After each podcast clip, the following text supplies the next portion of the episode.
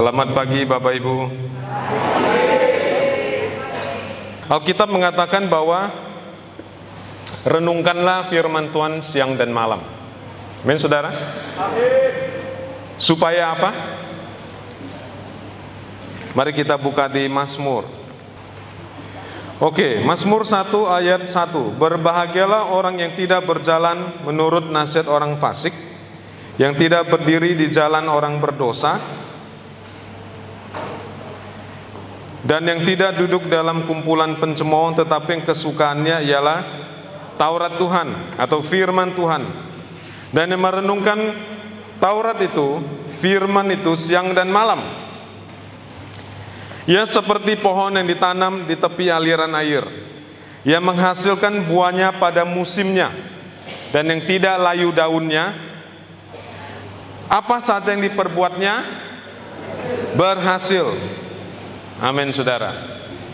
Saudara mau seperti itu? Apa saja yang saudara perbuat berhasil? Renungkan firman Tuhan siang dan malam. Amin. Saudara, bukan baca firman Tuhan siang dan malam, saudara. Ya. Ada dua kata, baca dan renungkan. Itu beda. Kalau saudara menganggap bahwa kalau saudara sudah baca firman Tuhan sama aja dengan saudara sudah merenungkan firman Tuhan itu keliru, saudara. Ya, di dalam kamus besar bahasa Indonesia, membaca dan merenungkan itu dua hal yang berbeda. Betul nggak, saudara? Jadi kalau membaca, saudara hanya baca doang. Tapi kalau merenungkan, jadi kalau membaca, saudara bisa membaca banyak dalam setengah jam. Contoh empat pasal. Tapi kalau saudara merenungkan firman Tuhan dalam setengah jam empat pasal, nggak mungkin, saudara. Betul nggak? Nggak mungkin. Mana ada orang bisa renungkan, merenungkan firman Tuhan empat pasal dalam setengah jam. Dalam satu jam pun nggak bisa, saudara. Amin, saudara. Nah, saudara kita perlu belajar merenungkan firman Tuhan. Kalau saudara pernah baca, merenungkan itu seperti memama biak kalau di binatang yang mamalia seperti sapi, betul nggak saudara? Dulu waktu di kampung kira-kira umur 4, 5, 6 ya, di sebelah tempat tidur saya itu kandang sapi ya. tengah malam kedengaran bunyi, ngunyah pada gelap, gak ada lampu Padahal dia tidak lagi merumput, tapi dia ngunyah gitu. Ternyata ya, rumput yang dia makan siang sore hari dia nggak telan masuk ke lambung, saudara. Dia simpan di penyimpanan sementara, kira-kira kayak tembolok gitu loh. Nah, udah malam dia keluarin, saudara. Dia keluarin dan dia kunyah lagi dia punya yang lama gitu, sampai itu benar-benar gampang dicerna oleh pencernaannya, dia baru telan, saudara. Amin, saudara. Firman Tuhan yang saudara baca setiap hari, empat pasal, kalau saudara ada baca. Saya percaya di sini 50% baca. Saya percaya. Buat saudara yang baca, apalagi udah biasa baca, baca lewat doang kan, saudara Mungkin ada satu dua ayat yang nyangkut. Nah kalau ada yang nyangkut saudara, itu yang mestinya direnungkan. Amin saudara. Ada orang yang merenungkan sebuah firman, itu sampai berbulan-bulan. Ada seorang pendeta pernah khotbah, dia bilang, ini firman ada di pikiran saya, ada di benak saya, ya, kayak dengung terus, ngomong terus, selama sebulan, dua bulan, tiga bulan, ngomong terus. Karena dia merenungkan firman Tuhan itu, saudara. Amin, saudara? Ya. Firman Tuhan yang kita renungkan itu tujuannya supaya gampang dicerna, saudara. Seperti sapi yang tengah malam kunyah lagi, kunyah lagi gitu. Kunyah lagi dia telan. Sapi itu makannya cuma rumput. Dia nggak makan daging. Dia nggak makan yang lain-lain, saudara. Tapi badannya gede loh. Ya, kuat pula. Betul ya, saudara ya. Jadi, saudara ada orang yang makannya sayur aja, tapi badannya gede, saudara. Amin, saudara. Nah, karena di dalam sayuran itu ada karbohidrat. Ya, bukan cuma vitamin, saudara. Amin, saudara. Ya. Sayuran tertentu mengandung protein bahkan. Jadi, saudara merenungkan firman Tuhan itu penting. Amin. Supaya kita bertumbuh. Contoh, ada hamba Tuhan yang merenungkan firman Tuhan begini. I have authority over all unseen forces in my realm of domain. I bind them and I stop that activity in the name of Jesus. Saudara paham? Secara kalau diterjemahkan, saya punya, saya memiliki otoritas atas semua kekuatan yang tidak kelihatan di dalam wilayah otoritas saya, di dalam wilayah pengaruh saya. Bunyinya seperti itu. Saya memiliki otoritas atas semua kekuatan yang nggak kelihatan di dalam wilayah kekuasaan saya ya. dan saya ikat dan saya hentikan semua aktivitas mereka di dalam nama Tuhan Yesus. Amin, saudara. Nah, saudara, hamba Tuhan ini ketika merenungkan firman Tuhan ini, saudara, dan dia ucapkan, dia perkatakan, saudara tahu nggak apa yang terjadi, saudara? Ada sesuatu yang terjadi. Ada orang yang ikut pelayanan dia. Orang ini kencing manis. Dia bilang, kencing manis dan sudah suntik insulin setiap hari. Jadi tiap pagi dia pasti kencing dan cek gula darah di kencingnya. Seberapa banyak insulin yang harus disuntik setiap pagi, saudara. Jadi tiap hari dia suntik insulin. Ketika dia ikut pelayanan dia, hamba Tuhan bilang, kamu kan ikut pelayanan saya, kamu nggak usah suntik insulin. Dia lihat hamba Tuhan itu dia heran, bingung dia. Tapi entah kenapa dia ikutin. Selama hampir tiga minggu dia ikut pelayanan dia ke California, saudara. Tiga minggu itu dia nggak pernah suntik insulin dan dia makan semua makanan yang manis, saudara. Pai, cake, manis kan itu? Mana ada pai yang dan cake yang kue cake yang nggak manis? Manis semua, saudara. Dan hampir tiga minggu dia nggak suntik insulin. Saudara tahu orang yang sudah suntik insulin, Oke, dua hari nggak suntik, tiga hari nggak suntik bisa mati dia. Oke, nah habis itu ya dia pulang. Eh tiga hari kemudian dia suntik lagi. Hamba Tuhan bilang, kamu bisa membangun otoritas di dalam diri kamu sedemikian rupa sehingga kamu nggak usah suntik lagi. Tapi orang itu tetap suntik. Saudara paham kenapa saya cerita begini, saudara? Saudara nggak bisa ikut-ikutan orang. Amin, saudara. Saudara nggak bisa nebeng imannya orang. Saudara harus membangun iman saudara sendiri dengan cara merenungkan firman Tuhan. Betul nggak? Saudara nggak bisa dengar sebuah khotbah yang luar biasa yang berapi-api. Wah, nggak usah suntik insulin. Wah, saudara pulang. Yang sun, yang biasa suntik nggak suntik. Lalu teler dan saudara bilang yang khotbah di depan bohong. Siapa bilang saudara? Nah, hamba Tuhan itu sudah membangun hidupnya, membangun firman Tuhan di dalam hidupnya, sudah terus menerus, saudara Amin saudara. Jadi maksud saya cerita begini, saudara mari kita membangun hidup kita dengan firman Tuhan. Renungkan firman Tuhan, saudara. Amin saudara. Dan ucapkan firman Tuhan itu. Supaya apa? Supaya hidup kita berhasil. Amin saudara. Supaya otoritas saudara begitu berkuasa. Oke. Okay? Kekuatan-kekuatan yang nggak kelihatan seperti sakit penyakit, maut dan kecelakaan. itu tunduk di bawah saudara. Amin, saudara. Amin. Jadi, saudara, saya ulang lagi. Saudara boleh catat, I have authority over all unseen forces.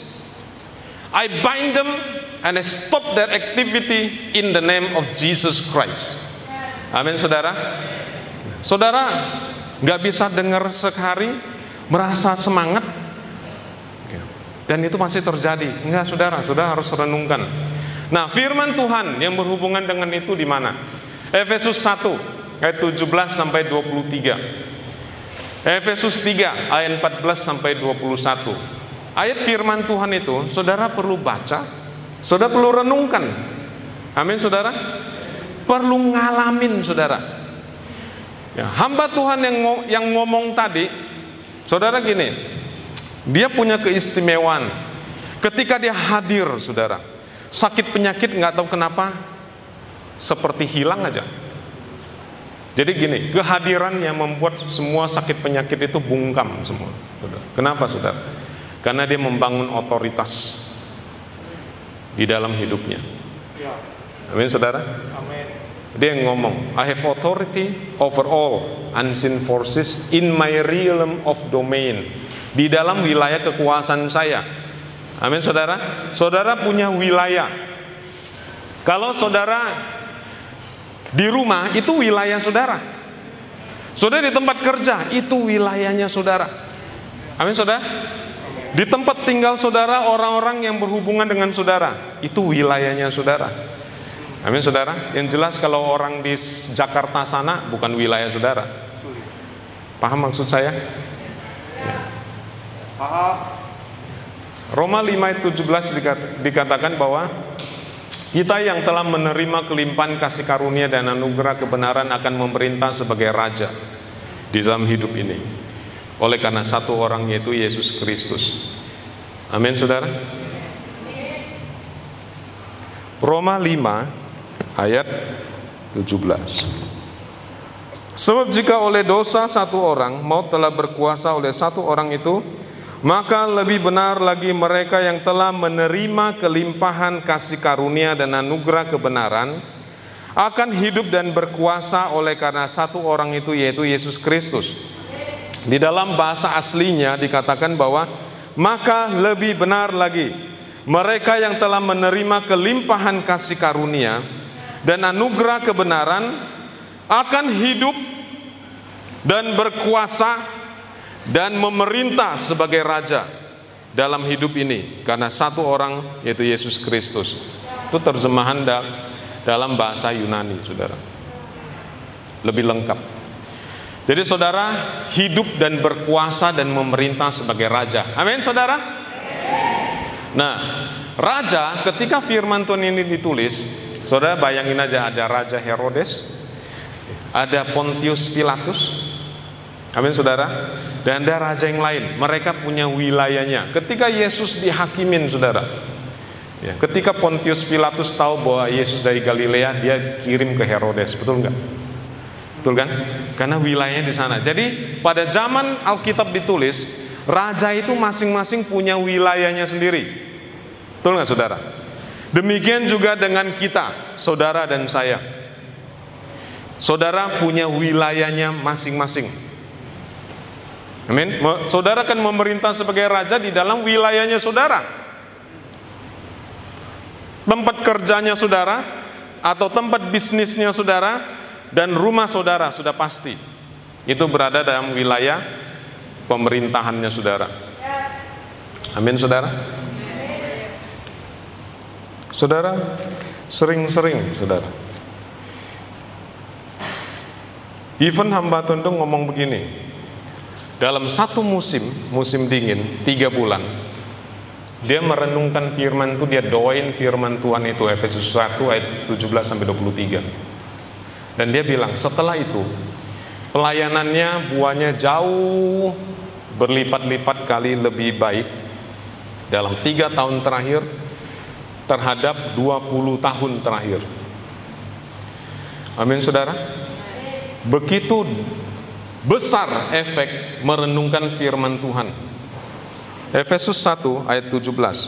Galatia, Efesus, Efesus 1 ayat 17 dan meminta kepada Allah Tuhan kita Yesus Kristus yaitu Bapa yang mulia itu supaya ia memberikan kepadamu, kepadaku roh hikmat dan wahyu untuk mengenal Dia dengan benar dan supaya menjadikan mata hatiku menjadi terang agar aku mengerti pengharapan apakah yang ada dalam panggilannya Betapa kaya kemuliaan yang ditentukannya bagi orang-orang kudus dan betapa hebat kuasanya bagi kita yang percaya.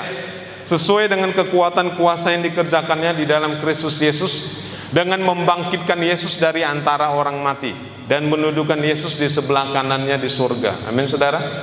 Jauh lebih tinggi dari segala pemerintah, penguasa, kekuasaan, kerajaan dan tiap-tiap nama yang dapat disebut bukan hanya di dunia ini, tapi juga di dunia yang akan datang. Amin, saudara. Dan segala sesuatu telah diletakkan di bawah kaki Kristus dan dia telah diberikannya kepada jemaat sebagai kepala dari segala yang ada. Jemaat yang ada tubuhnya yaitu kepenuhan dia yang memenuhi semua dan segala sesuatu. Saudara adalah kepenuhannya Yesus. Yang memenuhi semua dan segala sesuatu. Bayangin aja. Jadi tanpa saudara, Kepenuhan Kristus itu nggak terjadi. Amin, saudara. Saudara punya peran yang luar biasa di dunia ini. Saudara punya peran yang luar biasa di tubuh Kristus. Amin, saudara. Amin. Dan dikatakan bahwa kuasa yang ada di dalam saudara itu kuasa yang membangkitkan Yesus dari antara orang mati. Jauh lebih tinggi. Jauh lebih tinggi. Amin, saudara. Saya udah berulang-ulang sampaikan ini dan gak bosan-bosan saya akan sampaikan kepada saudara. Jauh lebih tinggi dari segala pemerintah dan penguasa dan kekuasaan dan kerajaan dan tiap nama yang dapat disebut. Nah yang mengherankan itu dia bilang begini, bukan hanya di dunia ini loh, tapi juga di dunia yang akan datang. Saudara punya kuasa, bukan hanya di dunia ini, tapi juga di dunia yang akan datang. Dunia yang akan datang bicara apa, saudara? Kekekalan. Ya. Amin, saudara. You have authority. Bahkan di dunia yang akan datang. Di dunia kekekalan. Amin, saudara. Saudara kalau baca dan saudara lihat, luar biasa ya. Renungkan saudara. Biar firman itu meresap masuk dalam pikiran dan hati saudara. Sampai dia berbuah. Amin saudara. Nah, saya akan ambil satu contoh. Kita baca sama-sama Yohanes 5 ayat 1 sampai 12. Kita baca sama-sama, kita renungkan.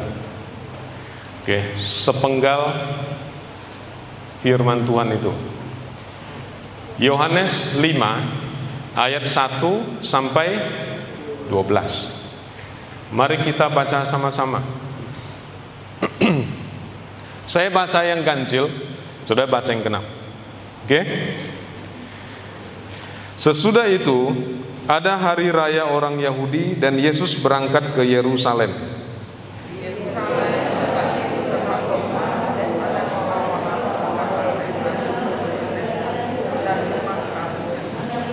Dan di serambi-serambi itu berbaring sejumlah besar orang sakit, orang-orang buta, orang-orang timpang, dan orang-orang lumpuh yang menantikan goncangan air kolam itu.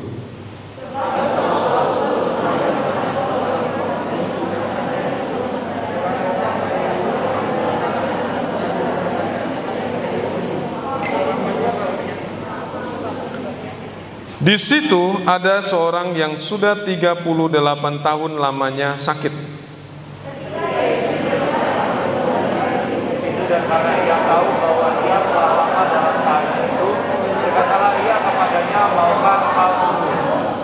Jawab orang sakit itu kepadanya, Tuhan, tidak ada orang yang menurunkan aku ke dalam kolam itu apabila airnya mulai goncang.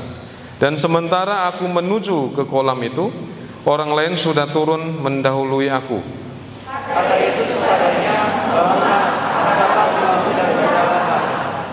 Dan pada saat itu juga sembuhlah orang itu lalu ia mengangkat tilamnya dan berjalan.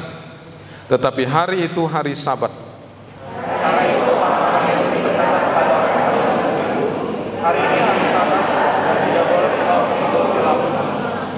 Akan tetapi ia menjawab mereka, orang yang telah menyembuhkan aku, dia yang mengatakan kepadaku, angkatlah tilammu dan berjalanlah.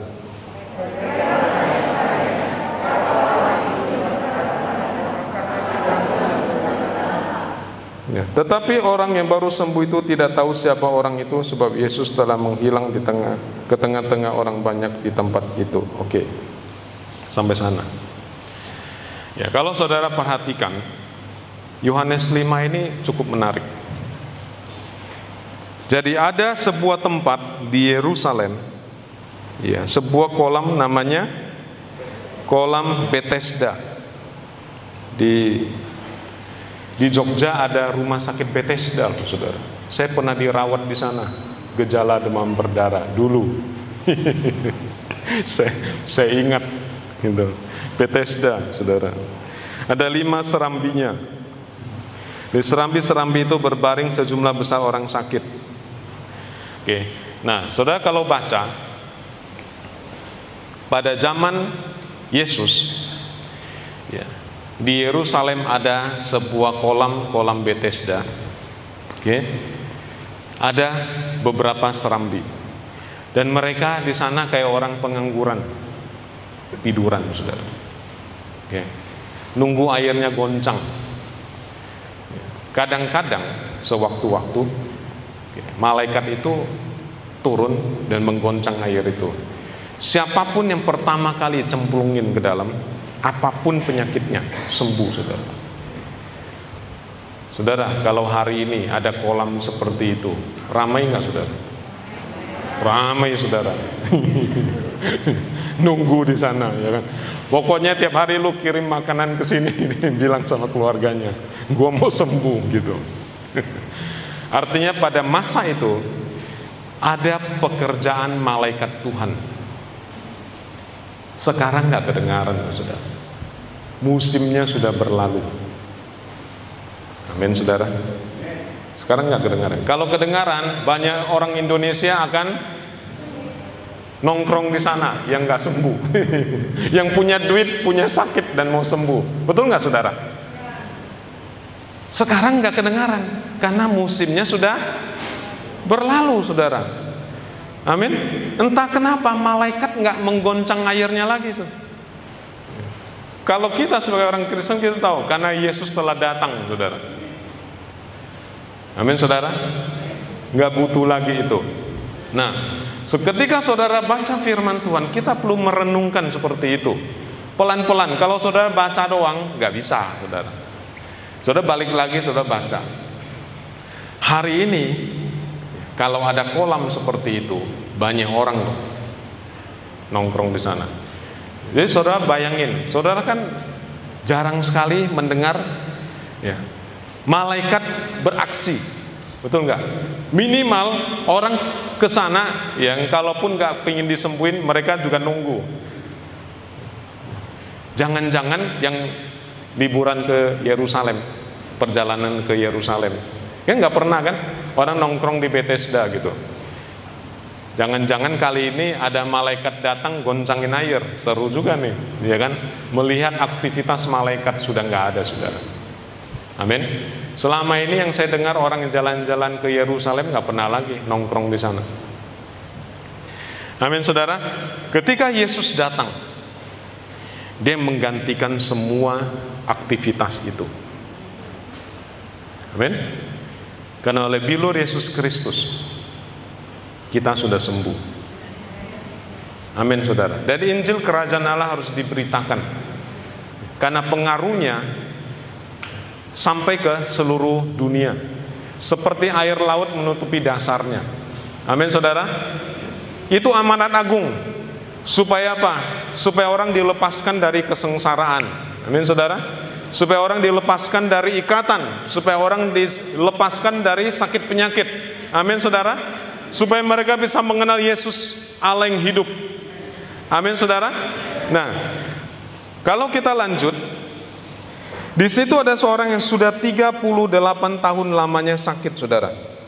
Jadi orang ini 38 tahun okay, ngetem di Bethesda. Kenapa dia begitu lama ngetem? Kalah cepat. Tiap kali ke sana sudah ada orang yang cemplung duluan. Artinya apa? Sampai pada zamannya Yesus, air itu masih digoncangkan oleh malaikat. Kalau enggak, enggak ada orang yang ngetem di sana, saudara. Benar enggak? Kalau sudah setahun, enggak terjadi apa-apa lagi, saudara. Enggak ada orang yang ke sana ngetem. Amin, saudara. Artinya sampai pada zamannya Yesus, itu masih terjadi. Tapi sesudah zamannya Yesus nggak ada lagi. Betul nggak saudara? Kan nggak ada orang yang gini. Dulu airnya pernah digoncang loh. Gua tunggu deh. Ya 10 tahun 20 tahun yang lalu. Ya, barangkali kali ini untung-untungan. ya kan digoncang lagi nggak mungkin saudara. Itu karena masih sering digoncang sampai dengan waktu dia nongkrong di sana. Nah, ketika Yesus melihat orang itu berbaring di situ dan karena ia tahu bahwa ia telah lama dalam keadaan itu, berkatalah ia kepadanya, "Maukah engkau sembuh?" Saudara, Yesus nggak pernah ngobrol sama dia. Yesus cuma tahu orang ini udah lama. Taunya dari mana, saudara? Karunia rohani. Amin, saudara karunia rohani.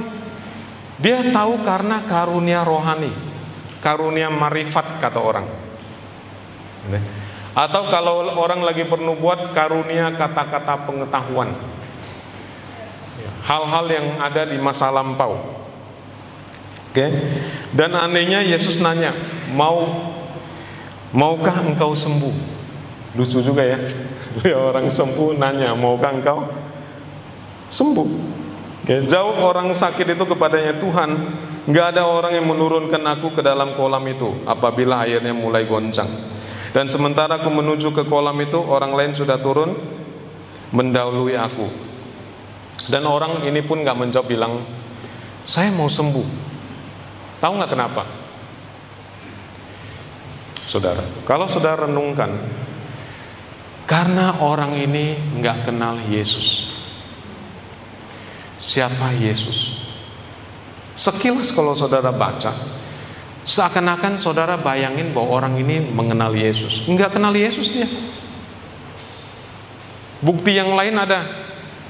Ya, ketika orang Yahudi tanya, siapa yang suruh kamu? Enggak tahu dia bilang. Ada orang yang suruh saya aja. Angkat tilam dan jalan saya lakukan. Saya nggak tahu. Amin saudara. Dia tidak pernah ketemu Yesus dan dia tidak mengenal Yesus. Kalau saudara tanya, kan dia panggilnya Tuhan. Gak tahu saya kenapa dia panggil Tuhan. Yang jelas, ya, dia tidak kenal Yesus. Karena dia nggak kenal Yesus, dia anggap orang biasa yang ngomong sama dia. Mau nggak engkau sembuh? Alah, lu taulah. Gua mah udah ngetem di sini lama Gue ini telat, bolak-balik gue mau masuk, udah orang yang mendahului. Benar gak? Jawabannya begitu kan? Artinya apa? Lebih daripada sekedar dia bilang saya mau sembuh, dia ngomong, jangan tanya lagi, udah pasti saya mau sembuh. Tuhan tidak ada orang yang menurunkan aku ke dalam kolam itu apabila airnya mulai goncang. Dan sementara aku menuju ke kolam itu, orang lain sudah turun mendahului aku. Nah, ini yang menarik, Saudara. Ayat 8. Kata Yesus kepadanya, "Bangunlah, angkat tilammu dan berjalanlah." Saudara, ingat ya, orang ini nggak kenal Yesus. Tapi entah kenapa, ketika dia mendengar kalimat bangun, angkat tilammu dan berjalan. Dia tiba-tiba lakukan aja. Dia lupa bahwa dia lumpuh. Tiba-tiba dia bangun, dia angkat tilamnya, dan dia jalan, saudara. Karena dia jalan, Ya, banyak orang Yahudi orang pada nanya, eh ini hari Sabat, ngapain lu angkat tilam? Siapa yang suruh? Gak tahu dia bilang. Ada orang yang yang ngomong sama saya angkat tilam dan jalan ya saya lakukan aja. Saudara bahkan dia lupa, dia lumpuh. Perkataan itu penuh dengan otoritas. Sampai orang lumpuh ini nggak sempat mikir, dia dengar karena saking penuh dengan otoritas, dia tinggal lakukan aja. Amin, saudara. Alkitab mengatakan, Yesus bilang, engkau akan lakukan apa yang saya lakukan, bahkan yang lebih besar. Amin, saudara. Perkataan saudara akan penuh otoritas. Orang nggak kenal saudara, no problem. Amin saudara. Habis dia sembuh dia baru tahu kamu orang Kristen ternyata. Amin saudara. Apa yang Yesus lakukan kan contoh buat kita. Betul nggak saudara? Semua saudara, semua kita perkataannya bisa penuh dengan otoritas. Kalau saudara yakin. Kecuali saudara mikirin, saya habis bikin dosa apa ya? saya jangan-jangan belum minta ampun sama Tuhan. Orang yang tertuduh jangan berharap akan lakukan perkara besar, saudara. Orang yang tertuduh itu lumpuh, saudara. Amin, saudara. Orang yang mikirin dosa terus tertuduh itu lumpuh, nggak bisa ngapa-ngapain. Ya. Makanya Roma, Roma 8 ayat 1 mengatakan, ya, barang siapa di dalam Kristus tidak ada penghukuman bagi siapa yang ada dalam Kristus Yesus. Amin saudara. Karena roh yang memberi hidup telah memerdekakan engkau dari hukum dosa dan hukum maut. Amin saudara. Amin saudara. Karena roh Kristus yang ada di dalam engkau telah memerdekakan engkau dari hukum dosa dan hukum maut. Amin saudara. Untuk membangkitkan kuasa yang ada dalam diri saudara untuk membuat perkataan saudara penuh dengan kuasa Saudara perlu isi hidup saudara dengan Yesus Kristus. Amin saudara. Perlu renungkan firman Tuhan. Amin saudara. Biar firman Tuhan itu menjadi daging di dalam hidup saudara. Amin. Ketika saudara baca firman Tuhan, Yesus lakukan dan saya juga bisa lakukan. Amin. Omongan saya akan penuh dengan otoritas. Amin saudara. Itu orang lumpuh nggak kenal Yesus. Tapi perkataan itu penuh dengan otoritas. Dia nggak sempat mikir, saudara. Luar biasa kan? Kita nggak bisa lakukan seperti itu. Kenapa, saudara? Karena kita ngebayangin aja belum pernah mungkin. Bisa nggak saya lakukan seperti Yesus lakukan? Alkitab bilang saudara bisa dan akan lakukan hal yang lebih besar. Gak usah dipertanyakan pertanyaan itu. Amin saudara. Kalau saudara masih mempertanyakan pertanyaan itu nggak terjadi saudara. Amin saudara. Saudara harus bilang bahwa saya di dalam Kristus. Saya ciptaan baru. Yang lama sudah mati saudara. Sesungguhnya segala sesuatu dalam diri saya sudah menjadi baru. Amin saudara. Gak usah mikirin yang sudah berlalu. Amin saudara. Gak usah mikirin saudara kemarin habis marah sama orang. Atau ngapain. Gak usah dipikir. Amin saudara. Minimal saudara harus ngebayangin. Yesus bisa ngomong seperti itu, saya juga bisa. Amin saudara? Nggak peduli saudara habis nawarin apa kepada orang lain karena pekerjaan saudara. Nggak usah pusing saudara. Amin? Ya. Tentu hidup dalam kekudusan itu penting. Amin saudara? Ya. Sanctification, pengudusan itu penting. Saya kenal satu orang. Ya, saya kenal satu orang. Dia ikut sebuah seminar. Seminar itu berlangsung 13 kali pertemuan.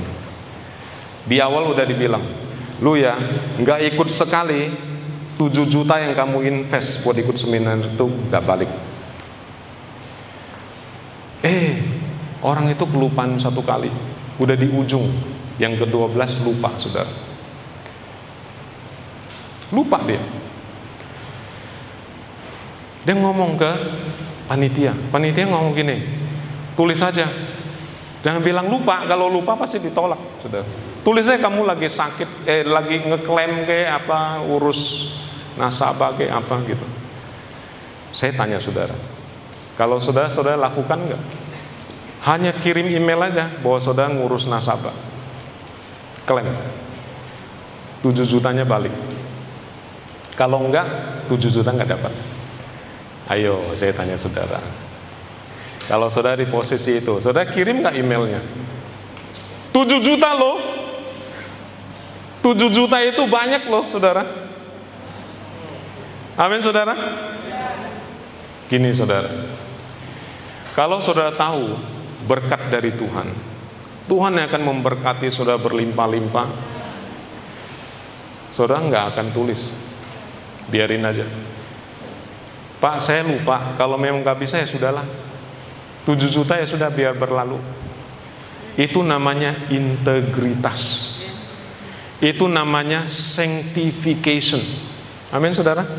Itu namanya pengudusan.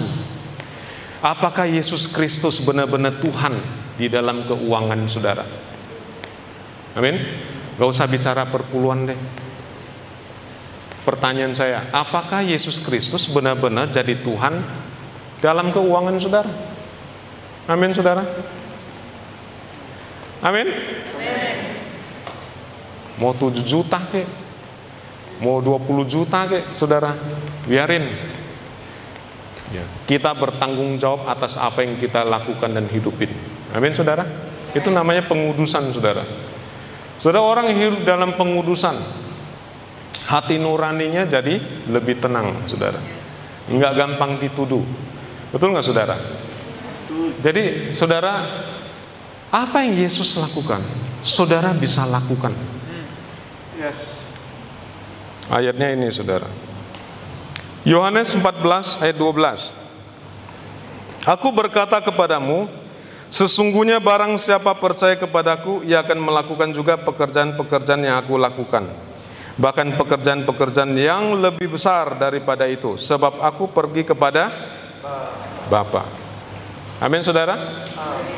Yohanes 11 ayat 33. Ketika Yesus melihat Maria menangis dan juga orang-orang Yahudi yang datang bersama-sama dia, maka masgula hatinya yang sangat terharu dan berkata, "Di manakah dia kamu baringkan?" Jawab mereka, "Tuhan, marilah dan lihatlah."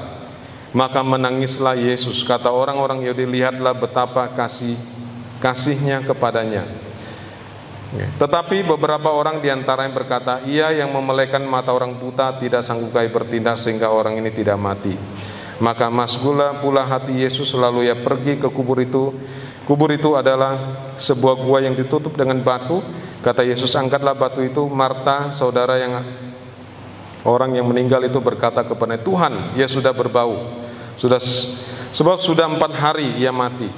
Jawab Yesus, bukankah sudah kukatakan kepadamu jikalau engkau percaya engkau akan melihat kemuliaan Allah. Maka mereka mengangkat batu itu lalu Yesus menenggada ke atas dan berkata, Bapa aku mengucap syukur kepadamu karena engkau telah mendengarkan aku, aku tahu bahwa engkau selalu mendengarkan aku. Tapi oleh karena orang banyak yang berdiri di sini mengelilingi aku, aku mengatakannya supaya mereka percaya bahwa engkaulah yang telah mengutus aku. Dan sesudah berkata demikian berserulah ia dengan suara keras, Lazarus marilah keluar. Orang yang telah mati itu datang keluar dan seterusnya, saudara. Ada satu lagi, namanya compassion, belas kasihan. Saudara mau mukjizat terjadi, saudara perlu punya belas kasihan. Amin, saudara. Amin. Di dalam gereja, karena kita berinteraksi satu dengan yang lain, karena kita bekerja satu dengan yang lain, karena kita melayani satu dengan yang lain, dan karakternya beda-beda, ada yang keras, ada yang lembut, oke, dan terjadi gesekan, lebih sering belas kasihan itu hilang, nggak tahu ke mana, yang ada dongkol, marah satu dengan yang lain, betul nggak saudara? Tuhan panggil kita untuk melayani dan menerima satu dengan yang lain apa adanya menerima kekurangan dan kelemahan orang lain betul nggak saudara? Kalau saudara nggak ngedepankan itu, saudara kan melayani Tuhan dan bisa marah-marah di dalam gereja. Jadi benci satu dengan yang lain dan saling menghakimi, saudara. Betul nggak, saudara? Kalau itu terjadi, saudara, hilang tuh namanya belas kasihan. Amin, saudara. Di dalam gereja, kalau saya melihat orang lain punya kelemahan dan kekurangan, saudara harus lihat diri sendiri. Saya juga. Saya mesti terima dia apa adanya. Betul nggak, saudara? Saling menghormati satu dengan yang lain. Betul kan? Nggak saling menghakimi kan? Yes. Ini penting loh. Gereja semakin besar, melayani orang semakin banyak. Oke? Orang akan terperangkap di sana. Sibuk melayani di gereja, tapi belas kasihannya hilang, saudara. Amin, saudara. Dia kerja lebih capek, saya kerja lebih capek, dia mah enak-enak aja. Bisa begitu enggak? Bisa loh, saudara. Kalau seperti itu, saudara, jangan bilang belas kasihan, hilang itu. Betul nggak, saudara?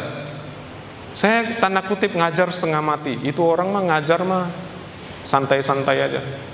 Saudara kalau melayani seperti itu, pantesan mukjizat nggak ada, saudara. Nggak ada kehidupan. Jangankan mukjizat, kehidupan pun nggak ada, saudara. Serius, saudara. Kita jadi organisasi yang apa, saudara? Yang nggak ada bedanya dengan orang luar. Orang luar mah punya organisasi lebih rapi. Amin saudara Betul nggak saudara? Saudara gereja itu tempat kita bertumbuh saudara Melayani dengan hati Firman Tuhan mengatakan Kalau saudara memimpin, memimpinlah dengan rajin saudara Amin saudara Karunia-karunia rohani itu kan ada semua Barang saya memberi, hendaklah memberi dengan sukacita Barang siapa yang melayani, hendaklah melayani dengan hati yang rela Barang saya memimpin, biarlah dia memimpin dengan Rajin. Betul nggak saudara? Jangan gara-gara di gereja saudara kita pelayanan hilang tuh belas kasihan saudara. Amin saudara. Karena egoismenya tinggi banget. Mau menang sendiri dan lain-lain. Amin saudara. Nah saudara, saya ngomong seperti ini karena kita semua satu keluarga betul nggak? Ke keluarga kan kita saling terbuka. Ya. Ada nggak keluarga yang nggak ada masalah? Nggak ada, saudara. Mustahil, mustahil. Ya. Saudara cari aja keluarga mana, ya. Yang nggak pernah ada masalah di dalam anggota keluarga, nggak ada, saudara. Amin, saudara. Ya, maksud saya cerita begini, bukan buat menuduh, saudara. Supaya kita melihat, ini keluarga. Amin, saudara. Amin. Ada yang ngomong lebih keras sedikit, caranya agak kasar. Ya ampunilah. Datangin ngomong ngobrol sama dia, betul nggak? Betul. Amin saudara. Amin. Di sini semua punya keluarga kan? Nggak ada yang kayak Mr. Bean tiba-tiba set gitu, nongol gitu. Nggak ada kan? Nah, saudara yang punya keluarga saya tanya, pernah nggak bentrok di dalam keluarga, adu mulut dan lain-lain? Pernah lah. Pernah saudara. Artinya apa? Ya. Kalau masih dongkol saudara, ya kan? Ajak makanlah. Ya. Ajak makan. Amin saudara. Ajak makan, damailah, damai. Amin saudara. Bilang, gua, lu punya kelemahan, gue juga punya kelemahan, oke? Okay? Sama aja, ya kan? Ya. Karena setiap orang punya kelebihan buat bantu yang lain, betul nggak? Waduh firman Tuhannya banyak banget loh, saudara nggak bisa di sharing sekarang, saudara. Saudara, balik ke Yohanes 5. Saudara mau hal itu terjadi, niru aja yang udah tertulis. Yesus punya compassion. Amin. Dan Yesus punya otoritas penuh atas kekuatan yang gak kelihatan. Amin saudara. Cukup doa itu.